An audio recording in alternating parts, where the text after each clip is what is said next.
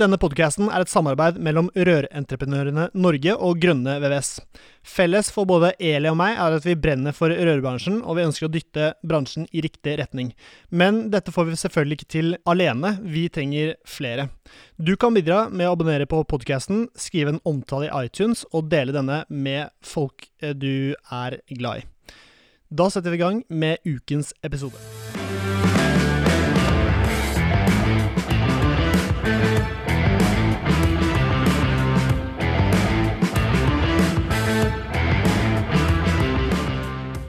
Hei og hjertelig velkommen til ny episode av Barerør med Eli Hermine Heidal Eide og Severin Poppe Midteide. Fra Grønneveis, et eget rørleggerselskap i Bærum. Um, og Eli fra trommevirvel i Norge jobber jeg i. Det stemmer. I dag, som alle andre dager, har vi med oss noen utrolig fine gjester. Vi har snakket um, vi har snakket litt før eh, podden nå, Eli, og eh, her er det mye jeg trenger å lære. altså. Så, så jeg ser frem til en eh, god halvtime nå med litt ordentlig ja, læring fra Juicy for meg. info. Ja, noe juicy info. Altså det å gjøre det vi skal snakke om i dag, sånn at folk holder ut hele den Vi, vi prøver å holde oss under en halvtime, vi sliter litt der, da. Litt Mm. avhengig av åssen det tar av i studio med gjestene. Mm. Men det vi skal snakke om i dag, er jo obligatorisk tjenestepensjon. Og for de som sitter Ja, OTP. Og de som sitter i studio her i dag, de får jo gåsehud av at vi snakker om OTP, mens andre bare er det et langt yes for, tror jeg. Um, men vi har med oss to gjester i dag. Han ene heter Lasse Rudi. Hei, Lasse. God dag, god dag. Du er leder ikke sant, for et kundeteam i Storebrann Storebrand eh, forsikring eller Storebrand pensjon. Innenfor eh, selskapet heter Storbrann Livsforsikring. Ok? Eh, så jeg leder et eh, team med rådgivere som brenner virkelig for å gi de gode rådene når bedriftene er i kontakt med oss. Ja, for det er de rådgiverne rørleggerbedrifter kommer i kontakt med hvis de har enten tenkt til eller har en avtale med Storbrann om OTP. ikke sant? Helt riktig. Vi betjener sånn ca. 18 000 kunder Oi. som vi er i kontakt med på jevnlig basis. Så vi får veldig mye spørsmål fra både de som driver med rør, eh, og forskjellige kunder som er i kontakt med oss, som spør hva er smart å gjøre. Men når du sier 18 000 kunder, så er ikke det 18 000 enkeltpersoner, det er bedrifter, ikke sant? Det er bedrifter, ja. Og det er man ganske mye mennesker. Ja, så hvis man legger på antall mennesker som er berørt av den, Mm. så er det betydelig andel. Ja. Men med på din flanke, venstre flanke i dag, så har vi Jaspal. Jaspal Singh Dami. Det stemmer. Hva gjør du Storebrand?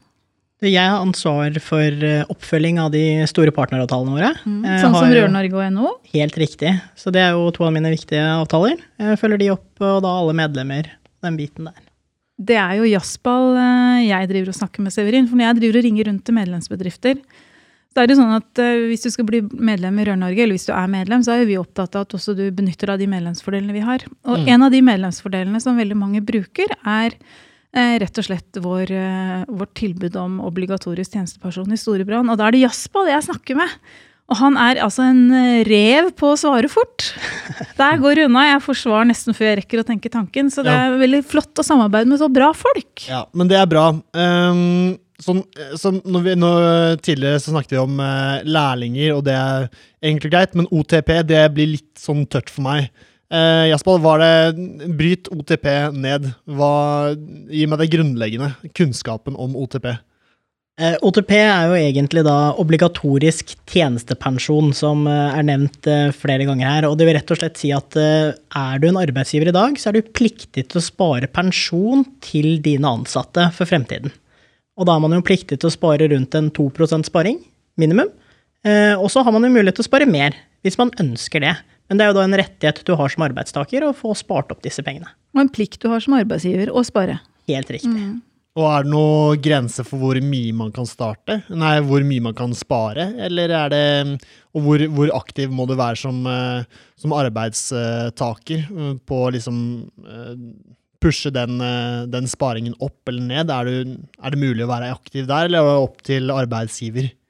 Så hovedansvaret ligger jo her på arbeidsgiver, men selvfølgelig du som ansatt kan jo pushe på og heller si at vi ønsker bedre pensjon enn å få eh, høyere lønnsjustering, f.eks. Mm. Eh, Nå er det sånn at man kan jo spare minimum som da 2% men man har jo mulighet til å spare opptil 7% av inntekten sin. Mm. Eh, Nå blir det litt teknisk her, men opptil 7,1 ganger grunnbeløpet, som er ca. overkant 700 000. Mm. Og så har man også faktisk mulighet til en tilleggssparing på 18,1 mm. av grunnbeløpet. Eh, og det er jo en veldig attraktiv sparing for f.eks. eiere av selskaper og den type ting. At man kan få denne ekstrasparingen og få fradrag på lik linje som resten av sparingen. Så en gulrot. Men hvis vi drar det helt ned på, hvis de som sitter og hører på nå, er enten utførende rørlegger eller lærling, da. Må begynne med, Hvis du er lærling, da. Lasse, har OTP en praktisk innvirkning på meg som 18-19-åring og lærling i rørleggerfaget? Ja, Det er jo noen regler rundt hvem som skal være medlem i disse pensjonsordningene. Vi har en regel som heter, vi kaller for 2020-regelen. Det vil si at alle som er over 20 år og jobber mer enn 20 det er de som skal være med i den pensjonsordningen. Så det betyr at hvis du er en lærling, 18 år, så er du ikke mest sannsynlig inkludert i pensjonsavtalen. Hvis ikke bedriften min har sagt at nei, vi tar med alle. Helt riktig. Bedriften har muligheten til å si at alle skal være med. 20 år, det er det strengeste som du kan sette. Så um, det betyr at uh, jeg tenker sånn, Hvis du er 20 år da, og begynner å, altså nyutdanna rørlegger tjener kanskje rundt 500 000 i året. Da er arbeidsgiver, hvis den følger minimumskravet, eh, altså lovkravet på obligatorisk tjenestepensjon, OTP, så skal arbeidsgiver betale 2% av lønna di inn i et fond for deg. Helt riktig. 2 av 500 000, det må jo bli sånn typ 10 000 kroner? Ja. Hvis vi hadde tatt 2% av 500 000, så hadde det blitt 10 000. Men det ligger én ting. Det er det at sparingen starter først når det har passert det som heter grunnbeløp i folketrygden. Dvs. Si at man trekker ut litt over 100 000 av lønnen din. Og det som er da over 100 000, dvs. Si ca. 400 000 i ditt eksempel, skal det spares 2% Så det vil jo utgjøre 8000. Men akkurat det med G kan vi jo ta du, Vet du hva G er, Severin? Ja, det er uh, Det er ikke sånn Mac når du er ute og flyr, sånn 4G. Sånn, det er ikke det. Nei, nei uh, men jeg tenkte på en, eh, en annen ting, og det var um, det, Altså, um, pensjonssparing det er jo en av de tingene som er viktig for en arbeidstaker når de skal velge firma, f.eks. For eksempel. fordi det er det en kan ha veldig mye å si. Ja, fordi det er en ekstra gode hvis denne prosentandelen er høy. Vet vi hva cirka den ligger på sånn jevnt over? Er det to, eller er det nærmere sju, eller hvor, hvor ligger den? Er det Har ikke du noe snittall for den bransjen vår, eh, Lasse? Sånn Da ser jeg litt på Jasper, du kjenner bransjen enda bedre enn meg. Eh, snittet ligger på rundt 3-3,5-4 okay. Litt Så- avhengig av størrelsen på bedriften og selvfølgelig hvor i landet de ligger. Så i Oslo så er nivået litt, uh, litt uh, høyere, Mm. og det er fordi at det er flere konkurrenter om de samme hodene. Mm. Ja. Ja, sånn at, for jeg har jo, nå, nå er jo jeg eldre enn en lærling på 20, tro det eller ei. Men for meg så har jo faktisk det med pensjon ikke betydd så veldig mye før de ja, for disse ti åra kanskje, så har jeg liksom begynt å tenke at ah, jeg skal slutte å jobbe en gang. Ja. Da må jeg ha penger. Liksom. Da skal jeg gjøre masse greier som jeg da får tid til. Mm. Og da er det jo om å gjøre å ha mest mulig penger i potten den dagen. Og de som er unge nå, er jo ganske heldige, for jeg var, var ingen som sparte noe pensjon til meg når jeg var 20 år. Altså ja, jeg får folketrygden. Alle får jo et visst beløp av folketrygden.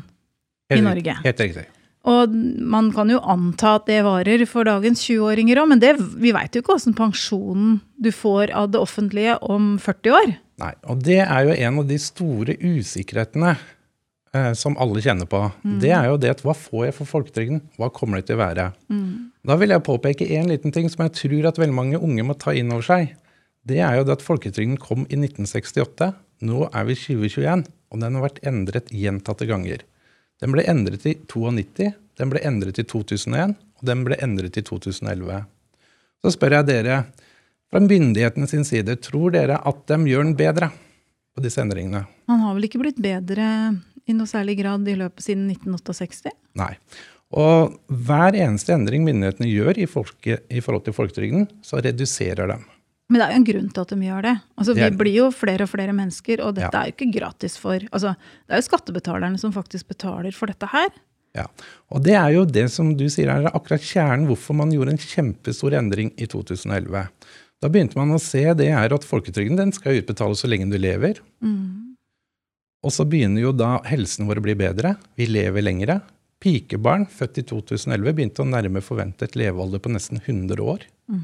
Og man så at folketrygden kommer til å knekke sammen. I 2011 så hadde vi Pay as you go-system. Hva kalte si du det? Pay as you go. Men Det mener jeg det er at eh, myndighetene fikk inn akkurat nok fra vi som er ute i arbeidslivet, til å utbetale til pensjonistene. Det betyr jo det at det var hvert øyeblikk at folketrygden kom til å knekke sammen. Og da måtte de gjøre noen grep. Nå er det jo sånn at de store Altså det begynte å bli født ganske mye barn etter krigen i Norge.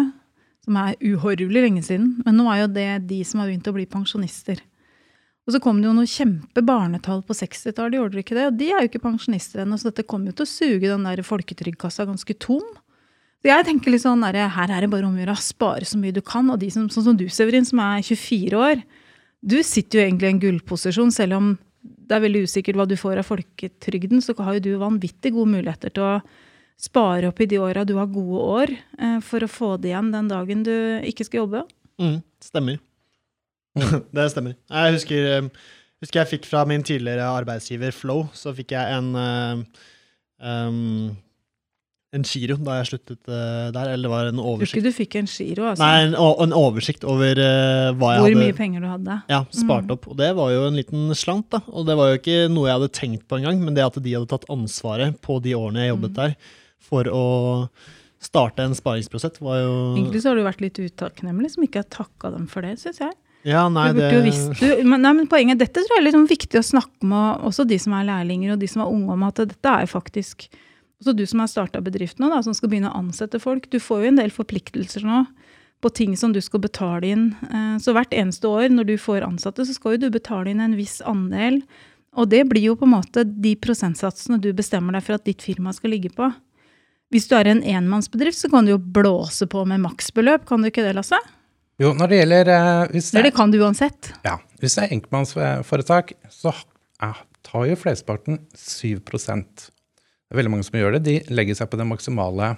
Men som Jaspan nevnte, er at det lå et mulighet som generelt på å legge et tillegg på 18,1 på toppen. Men det får ikke enkeltmannsforetak lov til hvis ikke du har ansatte. Og grunnen til det var Jaspal litt innom. Det er at du som enkeltmannsforetak Evner du å betale inn mest mulig, så får du ganske stort skattefradrag.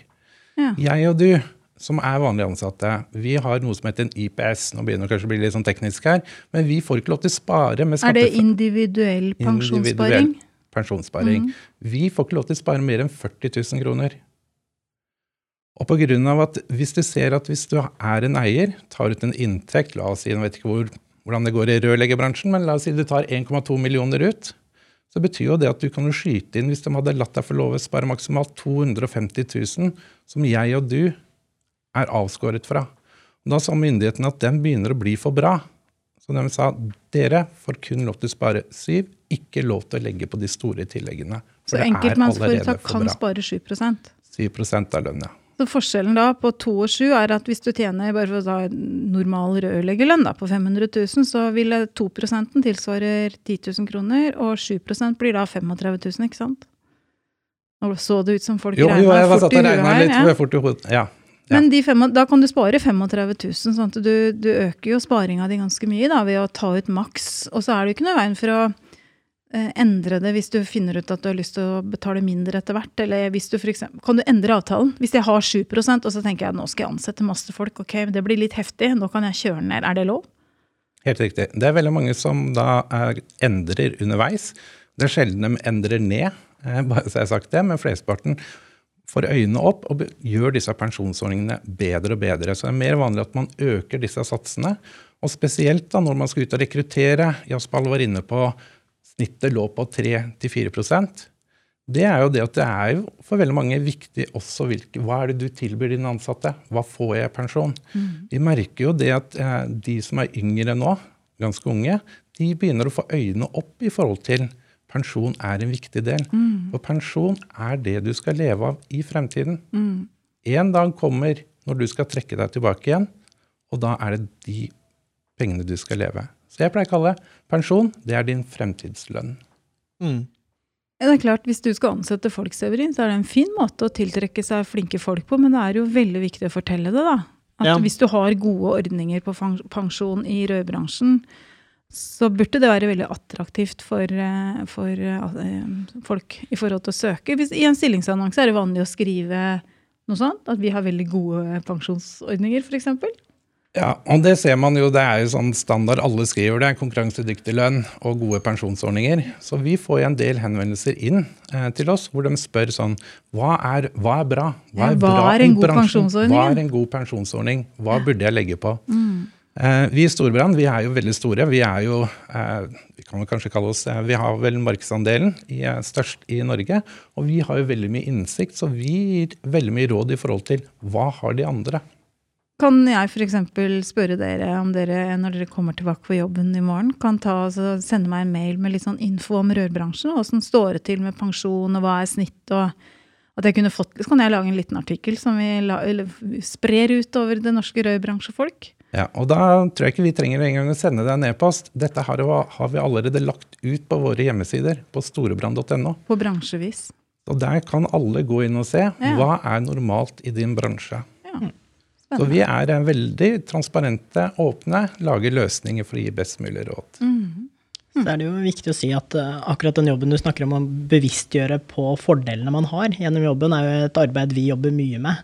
Eh, Så den jobben med å få arbeidsgivers pensjonsordning frem, og forsikringsløsninger frem til de ansatte, er jo noe vi gjør i samarbeid med Hvordan er det vanlig å gjøre? Det er litt avhengig av bedriften. Eh, Vi har jo mye én-til-mange-møter, hvor vi faktisk eh, møter opp hos bedriften og kjører en presentasjon Litt av er. powerpoint, rett og Er, slett? litt av powerpoint. Mm. Vi har kjørt videomøter, eh, litt digitale. Og vi har også hatt eh, rett og slett én-til-én-møte med ansatte, hvis det er ønskelig. Så vi, vi er der og treffer kunden der kunden ønsker å bli truffet. Da. Mm. Jeg tror også det er den beste måten å gjøre det på. Bare få inn en fra Storebrand som kan fortelle hvordan den tjenestepersonen fungerer. For det er jo, som bedriftsleder så har du jo du har koll på mye, men mye forskjellig, og ikke veldig grundig i alle de punktene. Så få inn en som, eh, eh, en som kan det ordentlig og forklare, det tror jeg høres ut som en god løsning. Så da prates vi senere. Jeg gleder meg til powerpointen. Men jeg har jo bedt Lasse om å lage noen regnestykker. ja. Fordi at um, vi har jo, som en del av NHO-fellesskapet, så er det sånn at eh, nå aner ikke Jeg tror det er sånn 28 000 bedrifter eller noe sånt til sammen i NHO. Det er en veldig stor andel av den norske arbeids... Altså bedriften i Norge. Og vi har jo en avtale med Storebrand, en såkalt flåteavtale, så vidt jeg veit, i NHO.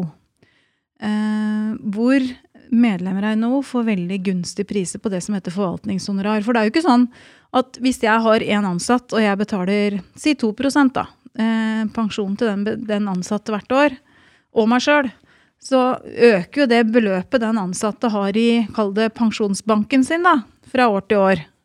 Og da må du som bedriftsleder, Severin, betale det som heter forvaltningshonorar.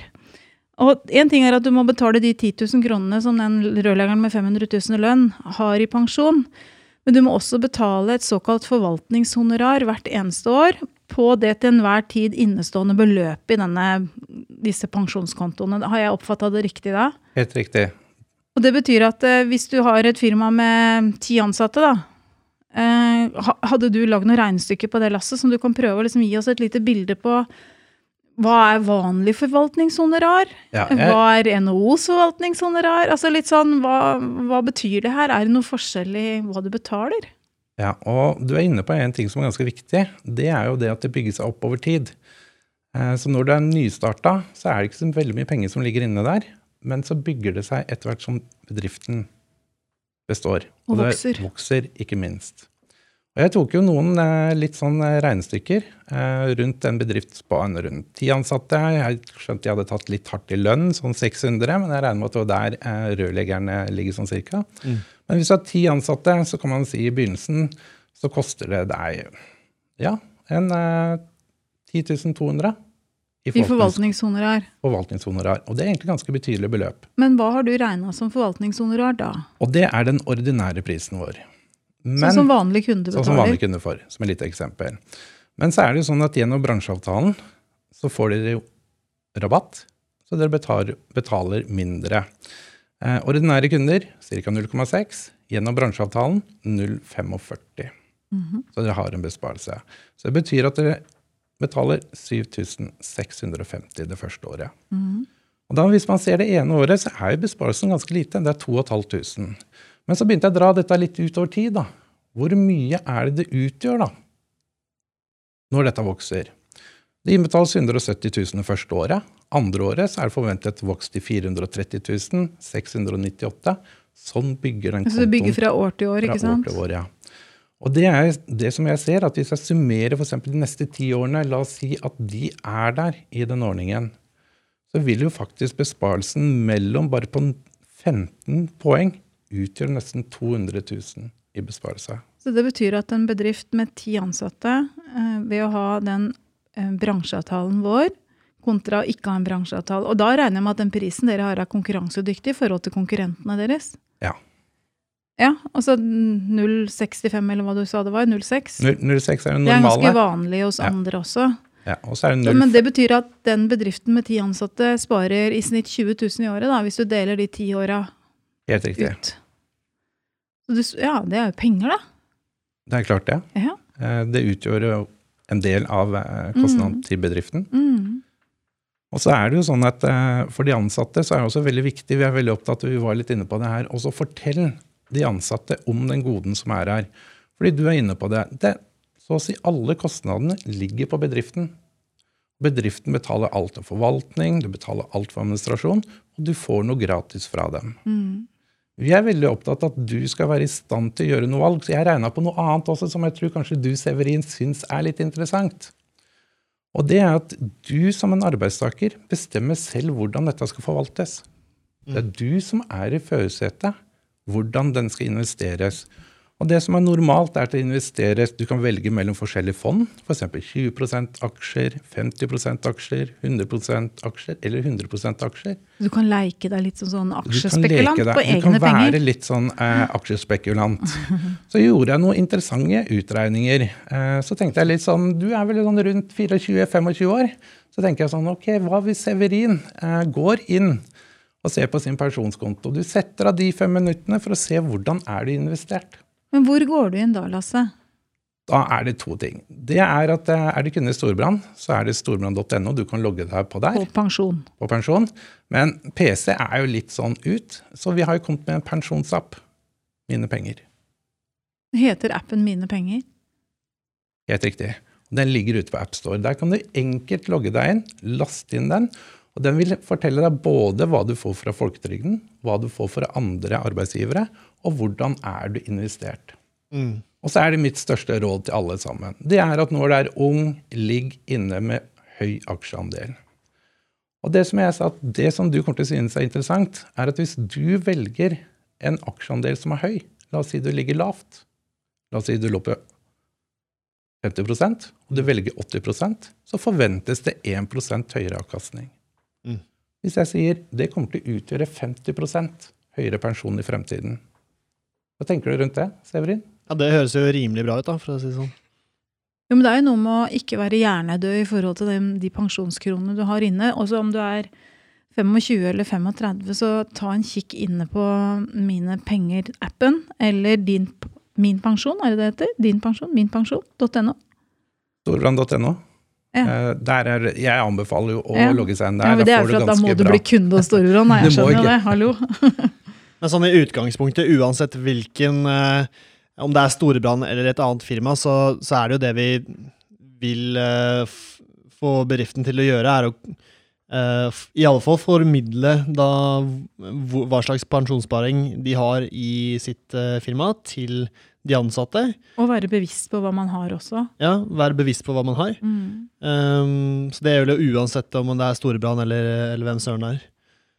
Ja, så er jeg litt opptatt av at uh, dette faktisk er en god avtale. Altså, jeg ser jo selv disse store bedriftene våre som sikkert kunne klart å forhandle seg til en ganske god deal aleine, men de bruker også uh, disse flåteavtalene eller disse bransjeavtalene vi har.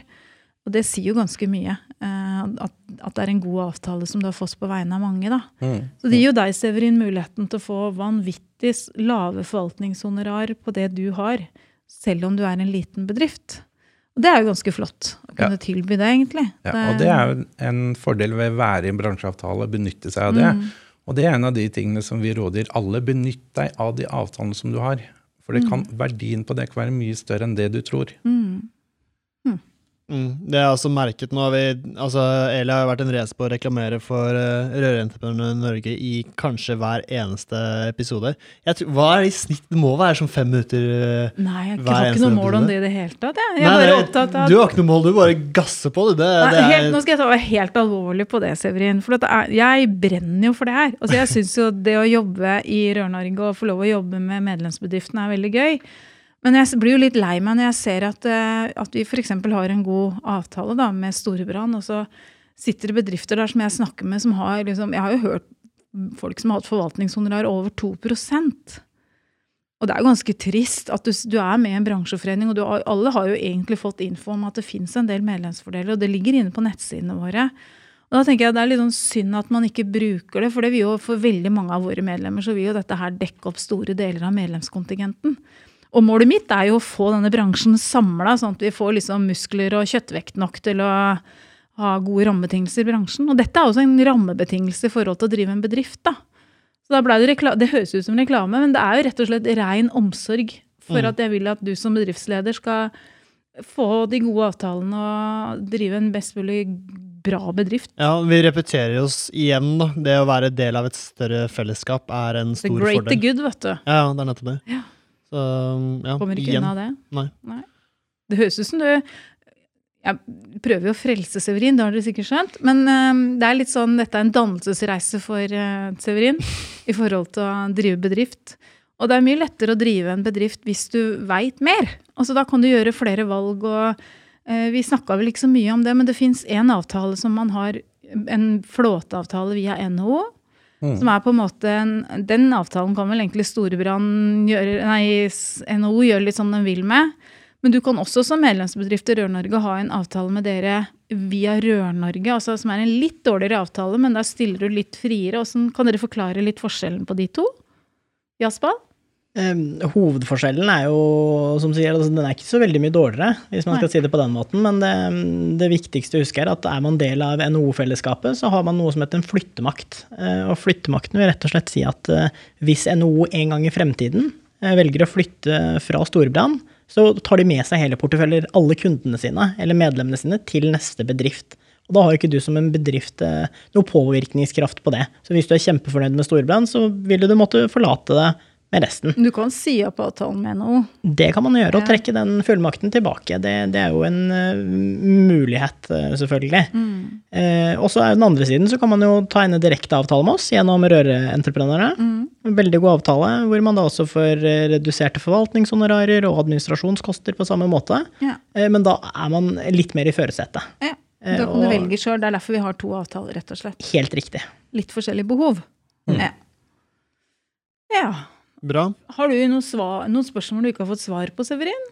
Jeg skjønner kjenner at jeg må se litt mer på det, ass, for å være helt ærlig. Lære litt mer. Eh, Det er jo nokså enkelt og greit, men det er jo det er snakk om store summer da, når, det, når tiden går og eh, Du hørte jo bare på den bedriften med ti ansatte. Etter ti år så har du spart 200 000 bare på å velge rett avtale, liksom. mm. Helt riktig. Ja, så det er, det er det jeg tenker, da. At eh, ja, nei, det er viktig å få Enten så må jeg se mer på det, eller så kan jeg ikke ansette. Så da Men blir det hvis du, hvis du er medlem i Rør-Norge, Jazzball, så er det vel du som er ansvarlig for um, hva, hva gjør jeg da som medlemsbedrift i Rør-Norge og tenker ah, herregud, dette må jeg sette meg litt bedre inn i. Hvordan gjør det fort og gærent? Jo, ring jazzball er liksom svaret. Det er det aller beste. Men uh, hvor finner man deg? Finner man deg på Rør-Norge sine sider? Der har man min kontaktinformasjon. Eh, og så har vi også en egen landingsside på Ja. storbrann.no. Hvis man søker Storbrann og Rørentreprenørene, så kommer man rett inn på deres landingsside. Og da kom også denne informasjonen som vi snakket om tidligere, hvor mange prosent Ja. som er vanlig å spare og sånne type ting, eh, dukker opp der. Og der har vi også en sånn kontakt meg kjema direkte. Eh, og Eli kjenner jo til at jeg er jo oppe til Guds tider og svarer ganske fort. Så det, det er bare å ringe på eh, hvis Ja. det er noen spørsmål. Ja. Så tar vi det på stående fot. Ja, nå kommer det til å bli et renn, du skjønner det? Ja, det er bare gøy. Det er ikke utsolgt. Nei, det er bra. Det blir aldri utsolgt. Nei, men uh, Veldig bra. Eli, da? Har du noe spørsmål? Du virker jo veldig Veldig Det høres ut som du kan nokså mye om uh, Men nå må du huske at jeg har levd i 30 år mer enn deg, Severin. Ja, Hvordan går det med sparingen din? Jeg er jo litt misfornøyd når jeg ser hvor mye han mannen min har i forhold til meg, men han har jo tjent bedre enn meg da, i mange år. Ja, Så jeg tenker eh, sånn bedre nå, jeg har jo da, For å være litt sånn privat, da, så har jo jeg en ordning via jobben min, og det hadde jeg med forrige arbeidsgiver og han før der, eller han, det bedriften før det. Men jeg har jo de siste åra begynt å spare privat i tillegg. Sånn at eh, når jeg gikk inn og så hvor lite pensjon jeg kom til å få i forhold til dagens lønn, så ble jeg litt deppa. For det syns jeg var litt trist. For jeg gidder ikke å sitte og sutte på en klut når jeg blir pensjonist. Så jeg har begynt å spare litt ekstra, da. Ja, Fordi jeg tenker at eh, det er sikkert lurt, og så er det bedre å ha litt mer å rutte med den dagen jeg blir pensjonist enn nå, for nå har jeg sånn greit, liksom. Og det du er inne på der, er jo en av de tingene Så hvis jeg skal gi noen et råd, det er å faktisk bruke tid. Kunnskap er makt. Eh, Og det er ikke mer riktig på dette her. Pensjon er det viktig. Gå inn, finn ut hva som ligger i fremtiden. Hva er din fremtidslønn? Hvor mye kommer du til å få? Og hvis det ikke er nok, sånn som du har oppdaget, så begynn å spare ved siden av. Mm. Og så er jo den fordelen, vi har jo noe som vi kaller renters rente. Eh, Nå ser jeg litt på jazzball. Det er jo det desto tidligere du begynner å sette av litt, desto større effekt får du på det fremtidige beløpet. Du har ikke noe regnestykke på sånt i hatten? En av de tingene som jeg prøvde med litt her nå i stad, er jo faktisk det at eh, alle kan jo gå inn. Det enkle er liksom noe koster penger. Men det som ikke koster, er faktisk å gå og endre den porteføljen som dette investeres i, til en høyere aksjeandel. Det er gratis. Det koster ingenting mer for bedriften, men det vil gi deg, Severin, 50% mer i pensjon. Ja, bra. Og gjennom den pensjonsappen blant annet vi har, så kan du simulere hva hvis jeg velger noe sånt nå. Så kan du få se noe utfall i forhold til eh, de valgene du tar. Og det er sånne små gratiske ele elementer. Fett. Det Så- er kult. Så å lukke øynene, det er ikke det jeg anbefaler, men det er faktisk å, å tørre å gå og se hva er det som ligger der. Mm, bli litt aktiv, rett og slett. Helt riktig. Det var litt nugget jazzball. Har du noe personlige nuggets? Uh, fordi alle, altså, det er sånn, vi er, jeg, jeg er rørlegger, og da da vet jeg selvfølgelig ja, Jeg kan forklare noe til en kunde, men så gjør jeg det på en helt annen måte. Så Jaspal, hva er din egne måte å gjøre eh, pensjonssparing på?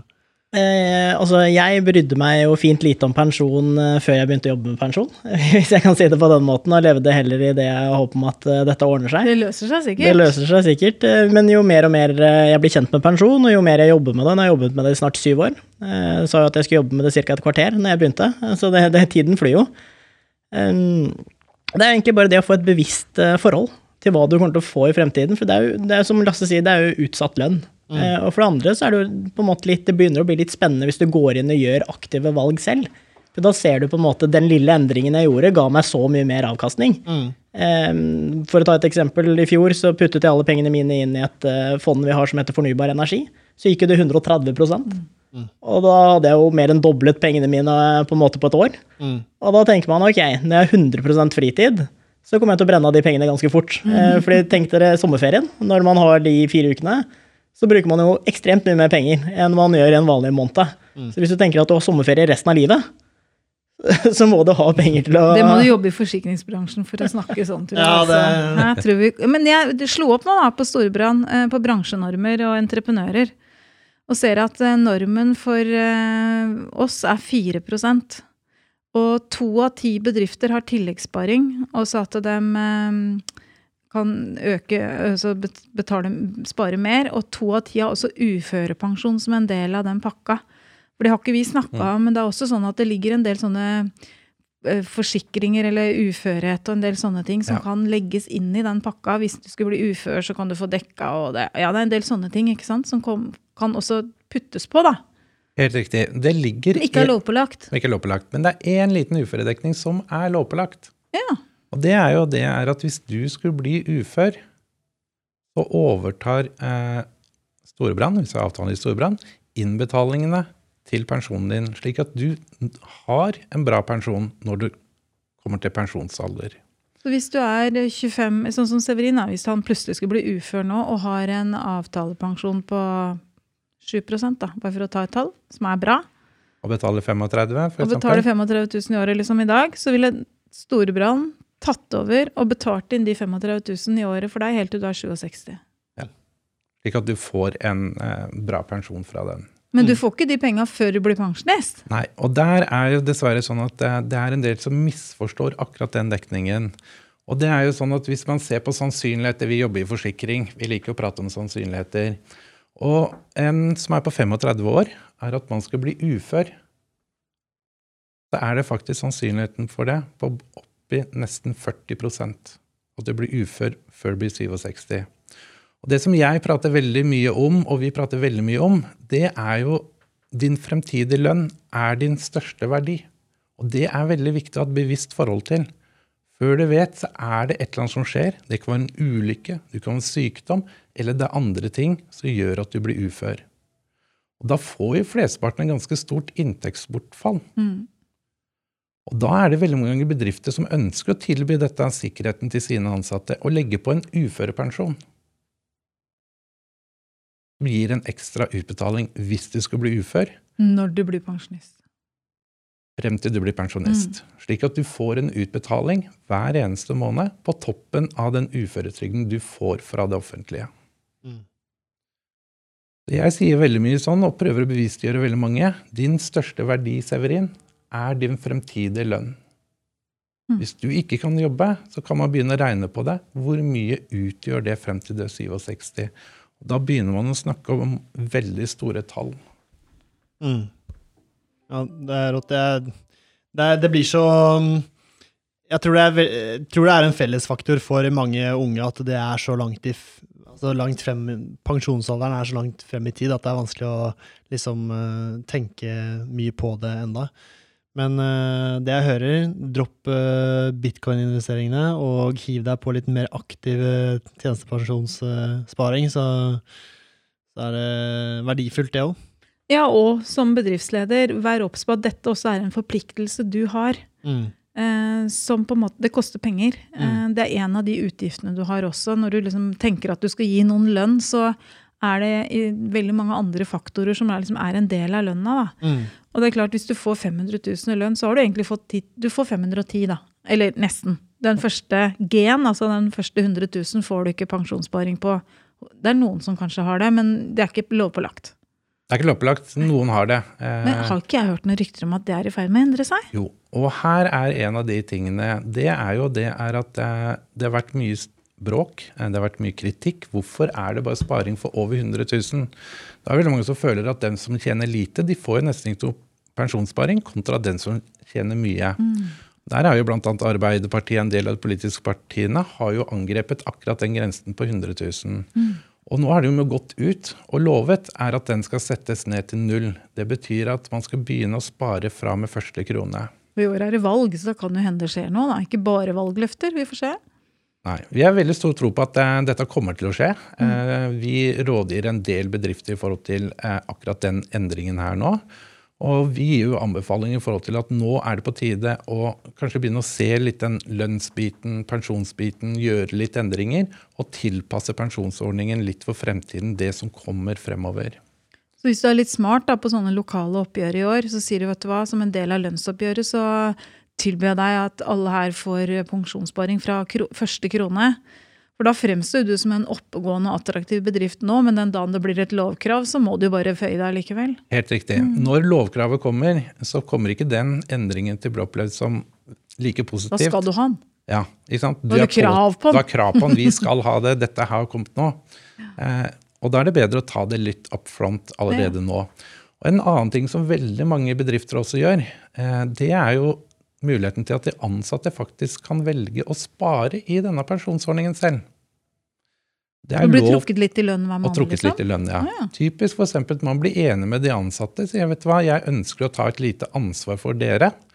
Eh, Så her hos oss, man bør jo bli enig med de ansatte da, så innfører vi, vi øker eksempel til 4% så sier at vi lager en 6% ordning og vi trekker dere 2% i lønn. Ja. Men da får bedriften noe fradrag her, gjør de ikke det? Det får bedriften Det fradrag. Og det er jo smart. Ja. Eh, og det er en ganske god spareløsning for de ansatte, ansatte også. det. Og det er et ansattegode. Men husk på én ting. Du som arbeidsgiver, du må jo betale forvaltningskostnaden av det som ligger Mm. Og da på. gjelder det å ha lavt forvaltningshonorar. da gjelder det å ha lavt forhandlingse... Du, dette var en bra avslutning, syns Ja, jeg. det var det. Jeg, å, det var et eller annet jeg skulle si som var skikkelig smart. Men uh, uansett, greit. Da får vi ikke det. Uh, gi meg fem sekunder, da. Er det mulig? Ja, men altså, Jo, det var det. Vi satt jo med mesteroppgaven her for uh, litt siden. Da husker jeg vi snakket om Vi skulle ha 3,5 uh, i pensjonssparing til våre ansatte som et ekstra gode. Da virker det som at den burde ha vært hevet litt, da. For eh, 3,5 var jo ikke helt oppe Snitt i bransjen er fire, da. Ja, vi var ikke helt oppe og nikka da, for å si det sånn. Nei, nei men da må vi Vi fikk uansett jævlig bra på den oppgaven, men, eh, men da hang kanskje læreren litt eh, bakpå. Det viktigste å huske er at det minste du kan gi, er 2% fra nå 100 000, eller 1G, eh, men at det blir senka. Og at maksen du kan gi, er 7 opp til 7G, Opp til som er 7G. drøyt 700 000. Men så er det sånn at hvis du har ansatte som tjener over 7G, så kan du faktisk blåse på med 18,2% eller noe sånt oppå der, kan du ikke 18,1. det? Du kan legge på toppen. Eh, For å korrigere deg litt, Eli, Ja, så er er det jo sånn eh, Grensen er opp til 1,2 millioner 12G. Ikke sant? Det er 7% opp til 12G. Og så er det et lite knekkpunkt som vi kaller, som er litt som fagspråk. Dvs. Si at inntekt over 750 000, så har du muligheten til å legge på 18,1 på toppen. Og det er veldig mange bedrifter som gjør. eh, For det er typisk eierne av bedriften eller nøkkelpersoner som ligger Som du gjerne vil de beholde. Eh, inntektene som du ønsker å beholde. Og for deg som en eier, hvis f.eks. du har anledning, du driver denne God bedriften, økonomi. Ja. god økonomi, ansatte ligger ved sånn rundt 600 000, grensen ligger på 750 du tar ut 1 million, så er det veldig gunstig for deg å legge på og si at alle som har inntekt over 750, legg på 18,1. For du får jo fradrag for det på din inntekt, så myndighetene er på en måte gjennom skatten med å Finansiere. finansiere den løsningen.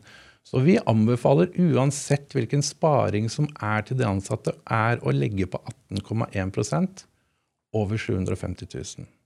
Som går til du som driver det, og nøkkelpersoner. Og Det er for at eh, du som eier, bruk muligheten. Og hvis du har personer oppi de inntektene, gi dem den goden. For grunnen, eh, eller hvorfor er det det mulig? Hvorfor er det mulig? Det høres jo veldig urettferdig ut for veldig mange. Den 18,1 skal de som det. tjener det. Ja, Jeg tror det er fordi at eh, folketrygden gir deg 18,1 opp til 7G. 7G. Det betyr at de som tjener over 7G, får egentlig ikke noe pensjon på alt de tjener over 7G. Så det er for å kompensere for det, er ikke det? Kompensere for at folketrygden stopper ved 7,1 G, så har myndighetene sagt at bedriften kan velge å overta det som folketrygden dekte, dekker, for under 7,1 G og opp til 12 G. Og det er egentlig en gavepakke eh, til veldig mange bedriftseiere. Eh, og jeg ser jo det at vi har jo eh, Jeg skal veldig forsiktig si åssen foreninger det er. Vi har en forening som eh, har ganske grei inntekt og driver med en del eh, små selskaper. Eh, ganske sentral i covid-19-tiden. Eh, og der ser vi det er at eh, de skjønner dette her, og de legger seg nesten konsekvent alltid på 18,1 hele tiden. Tøft. Så tror jeg det er en ting å ta med seg her, Severin, for du som driver et eget selskap, da, nå kommer liksom på en måte personen frem her, Ja. Eh, er jo litt det at, eh, litt tilbake til det Lasse sier her, sparer du 100 000, da, for å ta et enkelt eksempel, eh, så har du en skatt på 43% så kan du egentlig si at du får 43 000 av staten inn på din pensjonsordning. På den andre siden, si at du skal spare 100 000, så må du da betale, spare, altså ta ut en lønn på 143 000 da, Mm. for å få samme oppsparingen.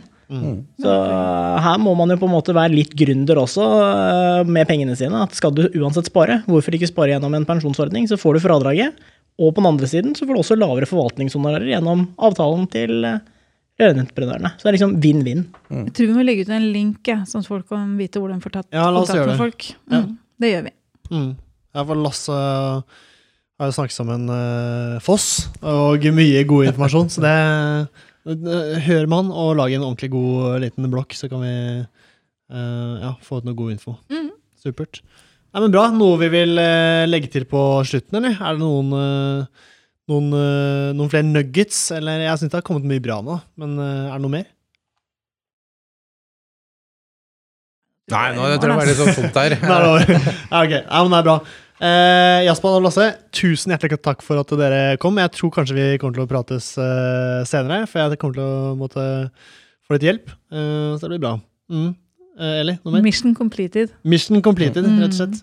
Så, nei, men Supert. Eh, takk for at dere som hørte på, hører på. Og ha en fortsatt strålende dag, ettermiddag, alt mulig rart. Og nå er det snart sommer. Jeg gleder meg så Du skal få sommerferie, Severin. Vi skal bare ha noen, vi skal kjøre sendinger ut juni, og så blir det litt sommerferie på deg. Ja, stemmer. Da Det blir, slipper du å se meg noen uker, faktisk. ja, det er jo Yes, Det blir hva skal Du, hva skal, skal du spennende i sommer, eller? Jeg skal til Røst. Du skal til Røst, ja. Mm. Som vanlig. Nei, men supert. Ha en fortsatt strålende dag, og så prates vi.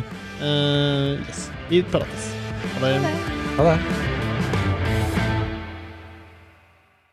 Halla, hvis du likte denne podcasten, hadde vi satt utrolig stor pris på om du abonnerte og gir oss en tilbakemelding i avspilleren. Eh, spre gjerne ordet videre til andre i rørbransjen som brenner for rørleggerfaget og er opptatt av å drive en seriøs rørleggerbedrift. Mitt navn er Severin Poppe Midteide, og med meg har jeg co-host Eli Hermine Heidal Eide. Sammen er vi to podcasten Bare Rør med Eli og Poppe. Et samarbeid mellom Grønne VVS og Rørentreprenørene Norge.